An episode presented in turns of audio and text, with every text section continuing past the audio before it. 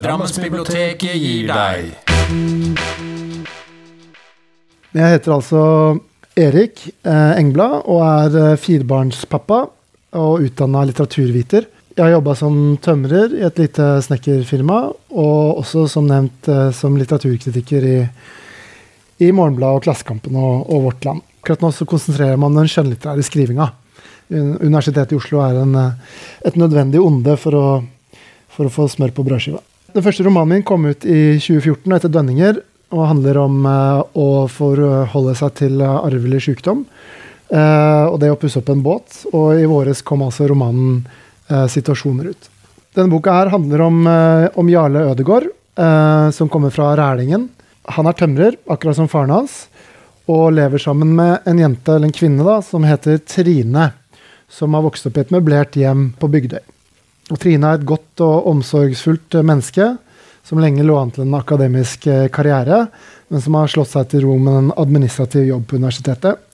Sammen har de, barna Johanna, som er åtte, og Joa- Joakim, som er halvannet.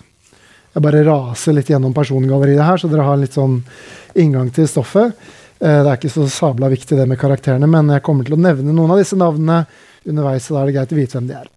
Johanna spiller i hvert fall en ganske viktig rolle i romanen. Da. Hun er en oppvakt og bevisst eh, åtteåring som uh, veit å trykke på, de, på akkurat de knappene som, som uh, irriterer vettet av faren sin. Hun ser på ham med sløve øyer og trekker bare på skuldra når han stiller henne spørsmål, osv. Reaksjoner som er kjente for de av dere som måtte ha barn. Uansett, da, når denne fortellinga starter, så har relasjonen mellom Jarle og Trine, Trine gått litt trått en stund. Men de har bestemt seg for å kjøpe et gammelt tømmerhus oppe i skogen et stykke nord for Oslo. Hvor de da ser for seg at de endelig skal bo nesten som i et postkort, og alt skal bli romslig og ryddig og fint. Men prosjektet viser seg å være mer krevende enn de har sett for seg. Huset er trua av råte, hverdagen fortsetter å være full av rot og uorden, og den inderlige farsfølelsen til Jarle uteblir. I stedet for omsorg og kjærlighet til de to barna sine, så kjenner Jarle på mye uro og sinne. Jarle, da, hovedpersonen i boka, er en ganske stor mann eh, med store never. Det finnes en brutalitet i kroppen hans som han til en viss grad klarer å holde i sjakk. Men når presset fra omverdenen øker, så siver liksom brutaliteten ut gjennom sprekkene. Og Jarle har begynt å bli redd for at dette ikke kommer til å gå, at han ikke klarer å være den pappaen som han har sett for seg, eller den partneren som Trine ønsker seg. Han har blitt redd for sine egne never, som det står i boka. Det har lenge eksistert en glippe mellom livet slik Jarle mener det burde ha vært, og livet slik det har blitt. Det er ganske viktig. Jeg kommer tilbake til det. Jarle begynner nemlig å tro at han til slutt kommer til å forsvinne nedi denne glippa, akkurat som faren hans gjorde da han forlot mora og Jarle som liten gutt. Så Jarle bestemmer seg for å starte på nytt. Han skal bli et nytt menneske. Et bedre menneske enn faren var. Han skal gjøre ferdig huset, være mer tilstedeværende for Trine og opptre rolig og kjærlig overfor barna sine. I situasjoner så utforsker jeg om dette prosjektet i det hele tatt lar seg gjennomføre, om det går an å bli den man ser for seg, eller om vi er overlatt til å være oss sjøl. Med utgangspunkt i romanteksten skal jeg i dag prøve å si noe generelt om sinne. Hva det er, og hvilke rase former raseriet kan opptre i. Det jeg skal si, springer ut av, og er for så vidt begrensa til mitt, uh, mine egne erfaringer, mitt treårige arbeid med dette romanstoffet, i tillegg til et knippe skjønnlitterære og faglige kilder om emnet. Uh, jeg vil også forsøke å peke på noen mulige utveier da, som Jarle kommer i befatning med i løpet av romanen. Men kveldens emne er alvorlig, og jeg vil ikke kunne tilby dere noe uttømmende leksjon i sinne. Ei heller kvalifiserte meninger om hvordan samfunnet kan få bukt med familievold, eller allmenngyldige betraktninger om sinnemestring. Eh, Jeg er verken forsker, psykolog eller familierådgiver. Eh, Men jeg har etter hvert fått fire barn, og jeg kan rapportere fra mine egne observasjoner. Farsrollen er en av de rollene i livet som har meg, satt meg mest på prøve. Min tålmodighet, min tilstedeværelse, det å måtte leve med ikke ha kontroll på alt hele tida. Jeg har derfor hatt en eh, personlig interesse for sinne, hvis man kan si det på en så pen måte. Og ikke minst vært gjennom mange forsøk på besinnelse gjennom de fire eh, Gjennom de tolv faktisk har blitt foregående år. Da jeg ikke ulikt Jarle har sett meg nødt til å erklære krig mot mitt eget raseri for å få eh, hverdagen til å henge sammen. Det er ikke alltid krigføringa går helt som planlagt, men jeg fortsetter stadig å prøve. Aller først så skal jeg lese en, eh, en scene fra romanen. Den er fra starten av fortellinga. Jarle er på vei hjem fra jobb. Det er juleferie. Første jula som den lille familien skal feire i det nye, gamle huset. Og faren til Jarle er invitert. Vi møter Jarle idet han skal en kjapp tur innom butikken, men parkeringsplassen er dessverre full. Og han tar en spansken, som det heter, og steller seg på handikapplassen rett utafor døra for å spare tid. Alt går også etter planen, helt til en høyrysta elektriker kommer inn på butikken og påtaler den ulovlige parkeringen. Idet jeg skulle til å pakke ned varene, fikk jeg elektrikeren inn på radaren igjen. Han stønna. Folka som sto bak meg i køen, kikka også opp. Først på han, så på meg. Jeg kunne se det, at de virka brydde jeg ble letta, da, fordi det fantes en allianse i blikkene, litt eh, oss mot han. De skjønte vel åssen dette var. Hadde nok sjøl tatt sjansen på handikappen fra en tid til annen, og bare hvis de skulle inn på butikken en kjapp tur. Likevel, øya til elektrikeren brant. Han rista oppgitt på huet. Jeg kjente at pusten gikk fortere, kjente brusinga i brystet og ei prikkende stråling utover i nevene, alltid den rekkefølgen. Først innover, og så utover mot nevene, og videre helt til sitringa fikk hver bidige kroppsdel til å pulsere. Du ser vel at jeg snart er klar, sa jeg. Elektrikeren sukka tungt igjen. Som om han kjeda seg. Det var vanskelig å avgjøre hvilken farge det var på dem. Øya hans. Jeg dro til meg pose med varene og forlot butikken rett bak ryggen hans, stirra inn i nakken som luta seg framover. Aldri hadde jeg vel sett det mer uærlig og lastefull rygg enn denne. Da vi kom ut på parkeringa, så jeg med det samme problemet ikke var handikapplassen, men at elektrikeren ikke kom seg inn i min bil fordi min ikke kom seg inn i sin bil fordi min sto for nærme. Du står jo oppå den hvite linja, sa jeg og indikerte med hånda hvor den malte stripa gikk. På enkelte steder var den godt synlig der snøen var skrapa helt ned til asfalten. Fyren løfta på ansiktet som om han væra noe, blunka et par ganger før han sa Du kan ikke parkere på handikappen, sa han. Du kan åpenbart ikke parkere i det hele tatt, sa jeg. Elektrikeren blunka. Vent litt, sa han, og løfta pekefingeren sin mot meg. Hæ? sa jeg. Kanskje du er i din fulle rett til å stå her likevel, sa han, og tror du kan prikke pekka borti panna mi med den pekefingeren. Øya dine, den korte avstanden mellom dem, du ser jo ut som en mongo, sa elektrikeren og flirte. Det gikk som små lyn gjennom kroppen min. Jeg slapp fra meg posen, ribbe og lefserull klaska i bakken. Hva faen skulle dette bety? Tufsen var like høy som meg, men da jeg la panna mi inntil øvre del av neseryggen hans, klarte jeg likevel å presse han nedover og bakover. Sier du ett ord til nå, så kliner jeg til deg, sa jeg. Tennene mine gnissa mot hverandre, og jeg lente meg med all kraft inn mot det bleike trynet hans. Kunne kjenne den emne lukta av munnen, hvor råtten hele denne fyren måtte være. Ofte er det sånn at Jarle kan rettferdiggjøre sinnet sitt. Det er enten husets udugelighet, Trines eh, formaninger, Johannas sløve øyne, eller denne fordømte feilparkeringa til elektrikeren utafor butikken. Jeg tror det er sånn fordi raseriet alltid oppstår som en konsekvens av fortolkninger. Det er en normativ dom i dette her, ikke sant? Verden er annerledes enn den burde ha vært. Det er når tingene blir annerledes enn Jarle mener de burde ha vært, at raseriet hans våkner. Vi kan kalle for et rettferdig sinne. En slags blinkende markeringsbøye for det som oppleves som riktig og rettferdig. Og butikkscenen har likhetstrekk med et slikt rettferdig sinne tror jeg. Et annet eksempel kan være Quentin Tarantinos uh, nyere filmer, deriblant Kill Bill, hvor uh, filmskaperen får oss til å svelge unna ganske store mengder blodsutytelser, fordi vi veit hvilken urett som er blitt begått mot hovedpersonen. De fleste sinneepisoder er sosiale tildragelser. En sjelden gang kan vel en iPhone gå i veggen, men det er som regel i relasjon til noen andre og den andres påståtte ignoranse, eller kanskje til og med idioti, at vår virkelige vrede våkner. Som Jean-Paul Sartre sier det så berømt i skuespillet For lukta dører, helvete, det er de andre. Sinne kan derfor påstås å være vel så mye politisk som biologisk betinga. Den normative dimensjonen indikerer nettopp at raseri har en sterkt sosialt regulerende funksjon, nesten som et politi. Ingen av oss liker at noen går rundt og er sinte og kjeftete, og vi prøver å unngå den dårlige stemninga og tilpasser atferden deretter. Det er heller ikke ofte, i hvert fall ikke i den norske offentligheten, at noen hisser seg opp ordentlig på direkten. Men av og til kan sinne, som politimakt, være et nødvendig onde, som f.eks. i møte med hatefulle ytringer på en bar i Oslo, overfor løgn og bedrag, sosial dumping, pedofili, sexisme Dere skjønner tegninga. Det finnes mange gode grunner til å hisse seg opp.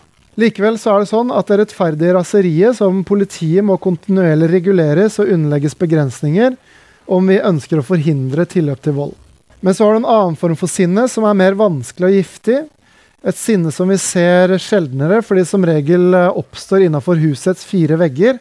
Jeg snakker om det sinnet man bruker for å kontrollere de man er glad i. Sinne som underkaster og dominerer. Sinne som produserer et utrygt miljø for barn å vokse opp i. Det er ikke nødvendigvis et sinne som involverer fysisk vold, men det fungerer på samme måte, undertrykkende, dikterende. Denne formen for sinne er et sinne som Jarle i situasjoner kjenner godt. Han har det med seg fra barndommen, og han skammer seg over at det har blitt en del av ham. Skammen fører til sjølforakt, også til en viss grad klasseforakt. Fordi Jarle forbinder farens brautende humør med visse idealer for arbeiderklassemaskulinitet. Studiet viser at kvinner og menn har akkurat samme forutsetning for å bli sinte. Det kommer kanskje ikke som en overraskelse, men uh, menn har i større grad en tendens til å uttrykke sinnet sitt aggressivt, og et mannlig sinne er ofte mer skremmende. Dette kan komme som et årsak av så vel biologiske som sosiale grunner. I faresituasjoner lager binyrene inni menn en og en halv gang så mye adrenalin som kvinner, noe som kan føre til uh, mer aggressiv atferd og mer risikosøkende atferd. Sjøl om iallfall den norske kulturen har eh, effektive stoppmekanismer for å forhindre aggressiv atferd, finnes også klare kulturelle eller sosiale grunner til at menn i større grad tillater seg å vise frem sinnet sitt. Det er f.eks. vanskeligere å uttrykke sinnet oppover i det sosiale hierarkiet, og stadig finnes det flere menn i toppstillinger. Men mannsrollen er en ambivalent størrelse. Sjøl om eh, det er flere menn i toppsjiktet av samfunnet, er det også flere menn eh, helt på bunnen. Men det går eh, flest forbrytelser og soner lengst fengselsstraffer. De har tyngre rusproblemer og tar oftere selvmord. Vi har kanskje en tendens til å se denne likestillingsproblematikken opp, eh, fra middelklassen og oppover. Som sosiolog Jørn Lundgren skriver i sin bok 'Arbeiderklassen fra 2021', verdsetter ikke kunnskapssamfunnet arbeiderklassemannens kompetanse, unntatt når de absolutt trenger den.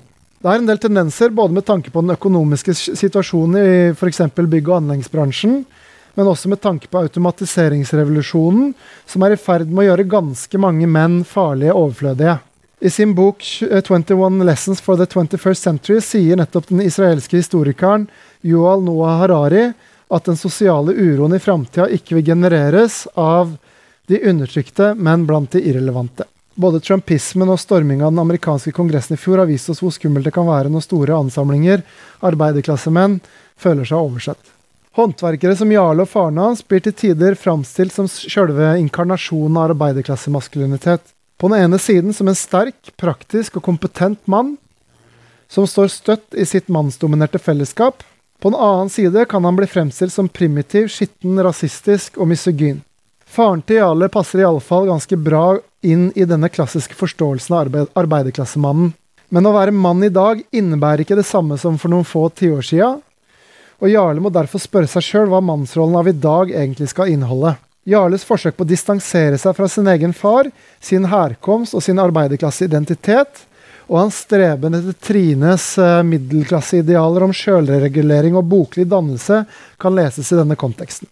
Så da Trine vennlig foreslår, for å bruke et mildt uttrykk, at Jarle skal melde seg på et kurs i meditasjonsteknikk og lære seg noen pusteøvelser for å bedre håndtere temperamentet sitt, så har Javna, Jarle havna i et såkalt krysspress. Gjennom eh, pusten skal da Jarle klare å ta det nødvendige skrittet bakover for å kunne observere sine egne tanker og følelser. På denne måten skal han få kontroll på sinnet sitt, på reaksjonene sine, og derigjennom eh, disiplinere brutaliteten sin. Det går sånn medium. I situasjoner hvor livet virkelig røyner på, er det som om kreftene blir for store, og Jarle flykter tilbake i gamle handlingsmønstre. Likevel fortsetter han å prøve, eller som Jarle sjøl sier, det man vil være, må man da for faen bare se til å bli. En av de skjønnlitterære forfatterne som grundigst har utforska raseriet eh, og dets beveggrunner i familien, er Monica Isakstuen. I sin roman med det betimelige navnet Rase fra 2018 skriver hun Sitat, det er så enkelt å si til seg selv når man legger seg 'I morgen skal jeg være tålmodig', roligere og snillere. Jeg skal ikke bli sint hvis de ikke gjør som jeg vil. Sitat slutt. Jeg tror også dette med viljen og en djupere forståelse av hva viljen egentlig er, er nødvendig for å forklare hvorfor raseriet så ofte oppstår i de nære relasjoner mellom ektefeller mot barna. I sitt hovedverk 'Verden som vilje og forestilling' hevder den tyske 1800-tallsfilosofen Arthur Schopenhauer at vår verden er en forestilling, eller hver enkelts forestilling. Det vil si at du og jeg etablerer våre virkelighetsforståelser ut fra tidligere erfaringer, fordommer og forhåpninger. Vi skaper på mange måter verden i vårt bilde, et uh, fenomen som vel er i ferd med å dele USA på midten om dagen. Men uansett. På den annen side er verden vilje. Schopenhauer tenkte på enhver kraft i naturen som en slags vilje, som han illustrerer med et eksempel fra insektenes rike. sitat. Eikehjortlarven biter ut et dobbelt så stort hull i det tre hvor den skal gjennomføre sin forvandling hvis den skal bli en mannlig bille og ikke en kvinnelig. Som framtidig mannlig bille må den nemlig lage seg stor nok plass til hornene, som den imidlertid ennå ikke har noen forestilling om. I mennesket virker viljen etter motiv, i sneglen virker den ennå blindt. Sitat slutt. Mennesket handler mer eller mindre etter bevisste motiv, men også i oss kan viljen ha i mange tilfeller virke blindt. Vi drives hit og dit av krefter og drifter som vi egentlig ikke har oversikt over. En viljestrøm vi bare i vekslende grad klarer å manøvrere i. For å si det med Paulus' ord fra brevet til romerne det gode som jeg vil, gjør jeg ikke, men det onde som jeg vil, det gjør jeg. Det er i forsøket på å kontrollere sitt eget sinne med verktøyene som Jarle skaffer seg på dette meditasjonskurset, at han blir klar over hvilken kraft raseriet egentlig representerer. Kanskje fordi han for første gang i livet klarer å ta et steg tilbake og observere sitt eget temperament, utspille seg real time, liksom på en armlengdes avstand. Raseriet kan nettopp ligne naturkraft, en tordenstorm over vår indre horisont. Samtidig tror jeg ikke det er sjølve raseriet som er den blinde viljen Schopenhauer snakker om. Det er nok snarere enkeltindividets grunnleggende vilje til liv, og jeg holdt på å si grunnleggende vilje til eget liv, som overstyrer mange av våre helligste idealer. Det er når selvets egoistiske begjær bryner mot andre menneskers likeså ubendige viljer, at humøret vårt begynner å buldre og brake. Den canadiske psykologen Jordan Peterson snakker om at vi er svært målstyrte når vi navigerer i verden. Og når vi setter oss mål, så påvirker denne målsettinga hvordan vi ikke bare forstår, men regelrett ser virkeligheten. Peterson viser til eksperimentet med den usynlige gorillaen for å demonstrere dette. Det berømte psykologiske eksperimentet som ble utført i 1999, gikk ut på at deltakerne i eksperimentet fikk beskjed om å studere en basketballbane, hvor et sett spillere i hvite og svarte trøyer sendte ballen fram og tilbake mellom hverandre. Oppgaven var ganske enkelt å telle antall pasninger som de hvite spillerne utførte. I etterkant av eksperimentet fikk deltakerne spørsmål om hvor mange pasninger de hadde registrert, og om de hadde lagt merke til gorillaen. I løpet av tida som pasningene blei passert, så kommer nemlig en person i svart gorillakostyme inn på banen, stiller seg opp i midtsirkelen, slår seg på brystet, før den pelskledde personen stille og rolig forsvinner ut av syne igjen. 58% av deltakerne i eksperimentet rapporterte at de ikke hadde lagt merke til noen gorilla. Eksperimentet avslører hvor målstyrt vi er som mennesker. Ut fra dette hevder Peterson at vi sorterer verden i tre kategorier. Det som hjelper oss å nå målet vårt, det som står i veien for å nå målet vårt, og det som til slutt er den største kategorien, som gorillaen etter all sannsynlighet forsvant ned i, det som er irrelevant eh, i forhold til om vi når målet vårt eller ikke. Jeg tror vår målstyrte vilje, enten om vi er klar over hvilket mål vi styrer mot eller ikke, kan resultere i en ganske grov sortering av verden, hvor de andres, også da våre ektefellers og barns, behov, ønsker og egen vilje kan fremstå i beste fall som irrelevante, i verste fall som regelrette hindringer. Hvis Jarle ikke hadde vært like rigid, ville det kanskje gått litt bedre for han. Det sinnet som oppstår når eh, Jarles vilje brytes mot eh, familiens mange viljer, det er uh, utad en ganske enkel og tydelig, men uh, skremmende opplevelse. Uh, det er lett å forstå når Jarle er sint, men innad er det en rotete og mer kompleks følelse. Jeg tror vårt sinne som uh, sådan er vikla inn i følelser både av frykt, maktesløshet, skam, en ganske lang liste. Sinnet vårt kan på den måten forstås som en avledningsmanøver, et røykteppe eller et aggressivt panser rundt det såre faktum at vi egentlig trenger å bli tatt hånd om, verdsatt, holdt. Det er også som regel i situasjoner hvor Jarle opplever et tap av kontroll, at han reagerer med sinne liksom for å få styrt verden tilbake til en plass hvor den igjen samstemmer med hans målsetning, og han ikke lenger kjenner seg like maktesløs. Men så lurer jeg på hvis det er sånn at hvis fellesskapet hele tida er en kamp om å nå hvert enkelts mål, eller med Nietzsches ord en kamp om viljen til makt, virker hele fellesskapsprosjektet da ikke ganske håpløst eh, når det kommer til stykket? Er det ikke mulig å unnslippe sin egen vilje? for slik å fungere bedre sammen med de andre. Salekana, jeg aner ikke om jeg uttaler det riktig, er navnet på øvelsen som må sies å være verdens mest ekstreme form for askese. Gjennom en langsom, men eh, systematisk avvikling av, av så vel næringsinntak som fysisk aktivitet, Parallelt med utstrakt meditasjonspraksis og tett oppfølging av åndelige veiledere bestemmer enkelte praktikanter i den indiske religionen jainisme seg for rolig og konsentrert å faste seg til døde. Det er en aktiv viljeshandling for jainene som tar dette valget, ser det ut til fra mitt perspektiv, å tre ut av livet på denne måten. Eller kanskje er det akkurat motsatt. Hos jainismen, så vel som i buddhismen eller hos filosofen som passende nok gikk under kallenavnet Den europeiske Buddha, nemlig Schopenhauer, forstås lidelsen som en pendling mellom smerte og kjedsomhet. Enten når vi målet vårt raskt og får det som vi vil, og som et resultat så kjeder vi oss, eller så klarer vi ikke å nå målet vårt og fylles av smerte. Et sørgespill er livet uansett, skal vi følge den uhelbredelige pessimisten Schopenhauer. Jeg siterer Har man med stor nøye beklager, med stor møye lykkes i å fortrenge smerten i en av dens skikkelser, så fremstiller den seg straks i tusen andre. Trøstesløse greier. Om vi i tillegg er dømt til å gjenoppleve denne verdenssmerten, slik Jaine skal ha det til da i liv etter liv in absurdum, ser vi kanskje konturene av Salikanas frigjørende potensial. På Schopenhauersk vis kan vi beskrive Jaines drastiske fasteritual som en åndelig fornektelse av viljen til liv. Eller som det står i Schopenhauer-sitatet, som åpner situasjoner, sitat hvor salig et slikt menneskes liv må være som har fått sin vilje slukket. Slutt. Idealet i hvert fall bak Salikana er en gradvis fortielse av kroppens utallige rastløse drifter.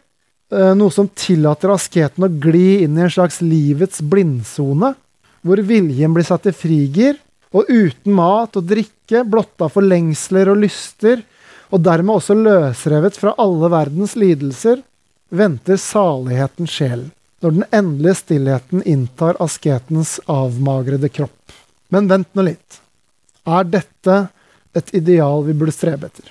Å fornekte oss alle de kroppslige gleder, sjølve vitaliteten i manges øyne, sånn som forlystelser, underholdning, god mat og rikelig med drikke, Kort sagt alt det som fyller vår meningsløse eksistens med noenlunde fylde. Å etterstrebe resignasjonen, viljes, viljeløsheten, fraværet av ambisjoner, er det veien til et lykkelig liv? Nei, kanskje ikke. Men jeg syns det er tankevekkende at det finnes en mulighet for at vi som bevisste vesener ikke er dømt til å akseptere vårt utgangspunkt, slik som 99% av alle jordas øvrige skapninger.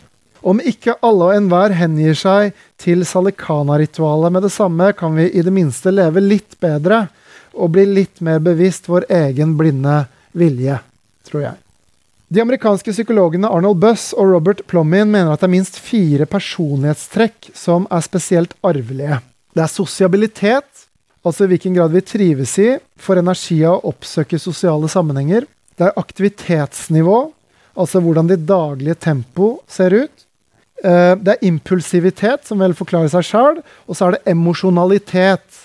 Altså hvor sterkt vi reagerer, hvor flammende temperamentet vårt er, og hvor kraftig humørsvingning vi opplever i sinnet vårt. Samtidig er raseri et sosialt tillært reaksjonsmønster.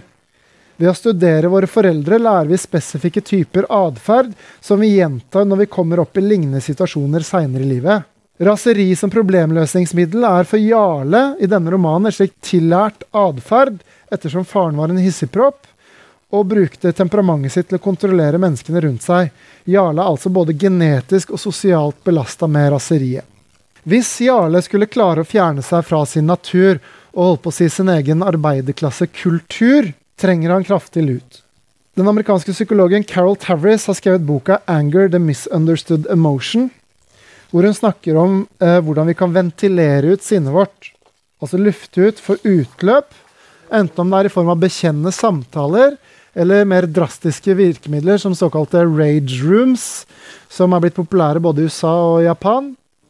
Mot en sum penger kan du få tilgang til et balltre og et rom fullt av glass, porselen, TV-skjermer og andre knuselige gjenstander, og så er det bare å gå amok. Det kan jo virke fristende, men Tavris er skeptisk til denne måten å imøtegå stress og sinne på. Hun mener det er litt som å sende en person med et gamblingproblem til kasino for terapi. Noe av bakgrunnen for at slike tiltak virker dårlig, kan være at sinne, eh, sinne er et såpass overfladisk følelse, som vi har snakka om allerede. Og raseriet peker som regel alltid mot et nettverk av andre underliggende og mer komplekse følelser. Jeg siterer. Ventilating only one component of the mix, therefore, emphasizes it to the exclusion of the others. Parentes slutt. Tavris tror at samtaleterapi, hvor du jobber med å finne fram til sjølve grunnårsaken til raseriet ditt, gjør deg mer utsatt for å repetere nettopp det samme handlingsmønsteret som fikk deg til å ty til sinne i utgangspunktet. Psykologen anbefaler derimot en strategi for sinnemestring som ligner veien som Jarle har valgt. Ganske enkelt å observere dine egne tanker og følelser uten å bli det samme som dem, identifisere deg og uten å reagere. Det vi på godt norsk kaller for mindfulness. Mindfulness har fått fotfeste eh, på mange nivåer også i det norske samfunnet. Ute på meditasjonsputer i de tusen hjem, på skoler og på arbeidsplasser. Mange tilbød trening, kurs og retreats. Skeptisk kan man vel være om tek teknikken blir brukt til å gjøre arbeidstakere mindre edgy og mer produktive. Men meditasjon har på mange eh, vis vist seg å være et vidundermiddel mot mange alvorlige problemer. Forskning ved bl.a. Universitetet i Bergen finner gode resultater for mindfulness-praksis når det kommer til pasienter med tilbakefallende depresjon, en del angstlidelser, stresslidelser og søvnvansker. I situasjoner hvor Jarle kjenner raseriet vokse, har han på kurset lært at han skal forsøke å fri seg fra aversjonen mot det han kjenner når han blir sint, og heller møte øyeblikket med aksept. Øyeblikket er som det er, har han lært. Det er reaksjonen det kommer an på. Tanken er at det eneste i verden vi til en viss grad kontrollerer, er vårt eget sinn.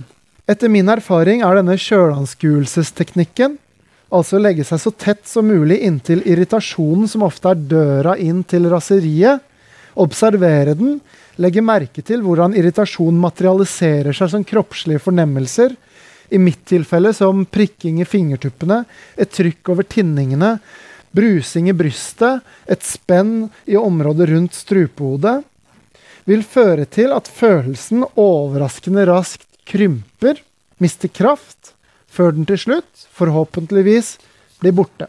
Men det er viktig å komme på banen tidlig i prosessen. For et fullskala raseriutbrudd er det vel de færreste som kan klare å holde tilbake. Mindfulness er uansett ikke et forsøk på å stoppe følelsene våre fra å oppstå. Følelsene våre er et resultat av den blinde viljen som vi har lært virker i alt levende. Og i enkelte tilfeller, som vi har prata om i forhold til det rettferdige sinnet, burde vi kanskje heller ikke stoppe irritasjonen fra å utvikle seg. Målet med mindfulness må i alle tilfeller være å se sine egne tilkortkommenheter som åpninger til innsikt og forbedring, og ikke som uhelbredelige sår. Jeg tror meditasjon er et suverent virkemiddel for nettopp å skaffe seg en armlengdes avstand til egne feil og mangler. Jeg har stor tro på å leve et mer kontemplativt liv. Om en slik innstilling fører til reell forandring, at vi faktisk blir bedre mennesker, det er ikke sikkert. Men jeg tror ikke vi blir dårligere mennesker av det. Og det å bli kjent med seg sjøl, og kanskje tidvis også lære seg å glemme seg sjøl, det er en meningsfull øvelse, i mitt syn.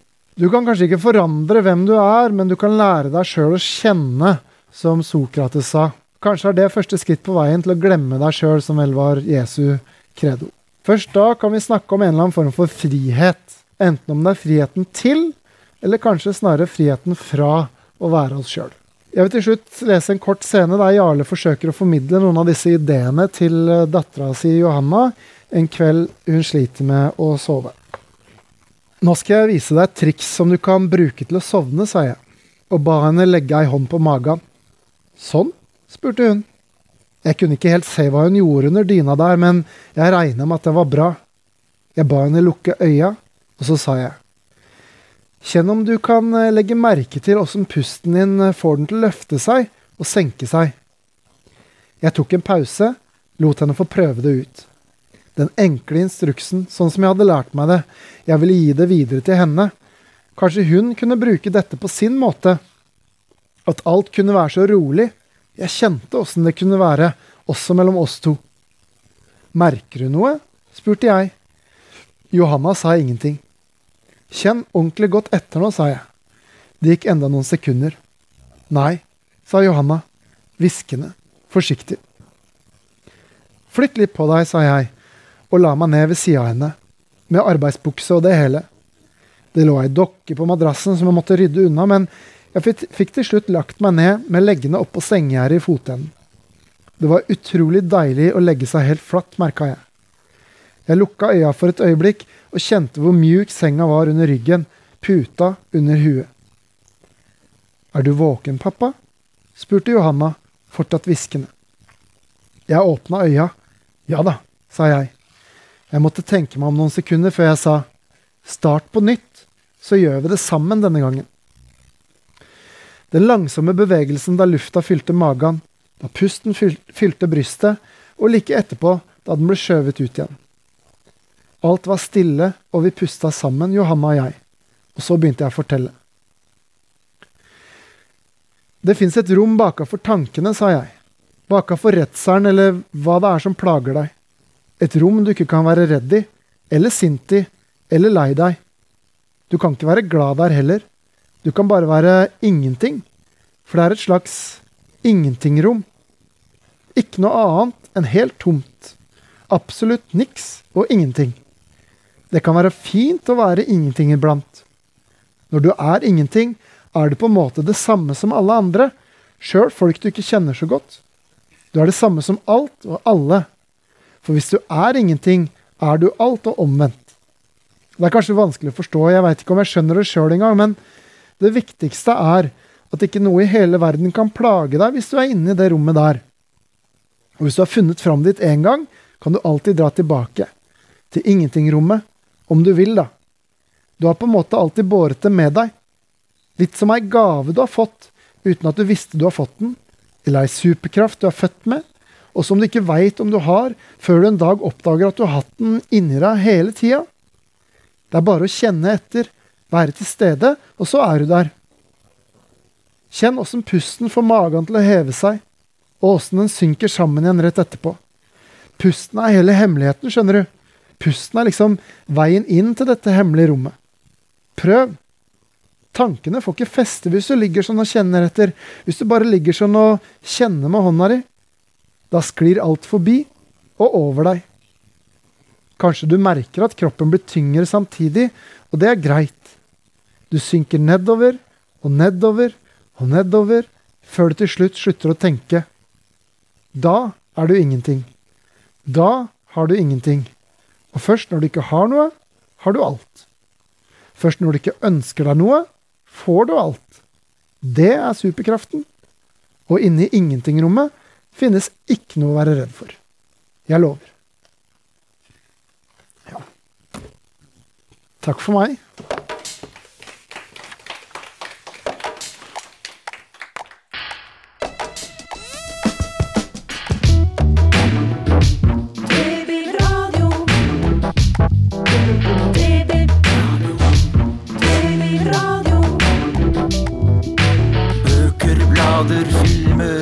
Aviser. Bilder, data, spill,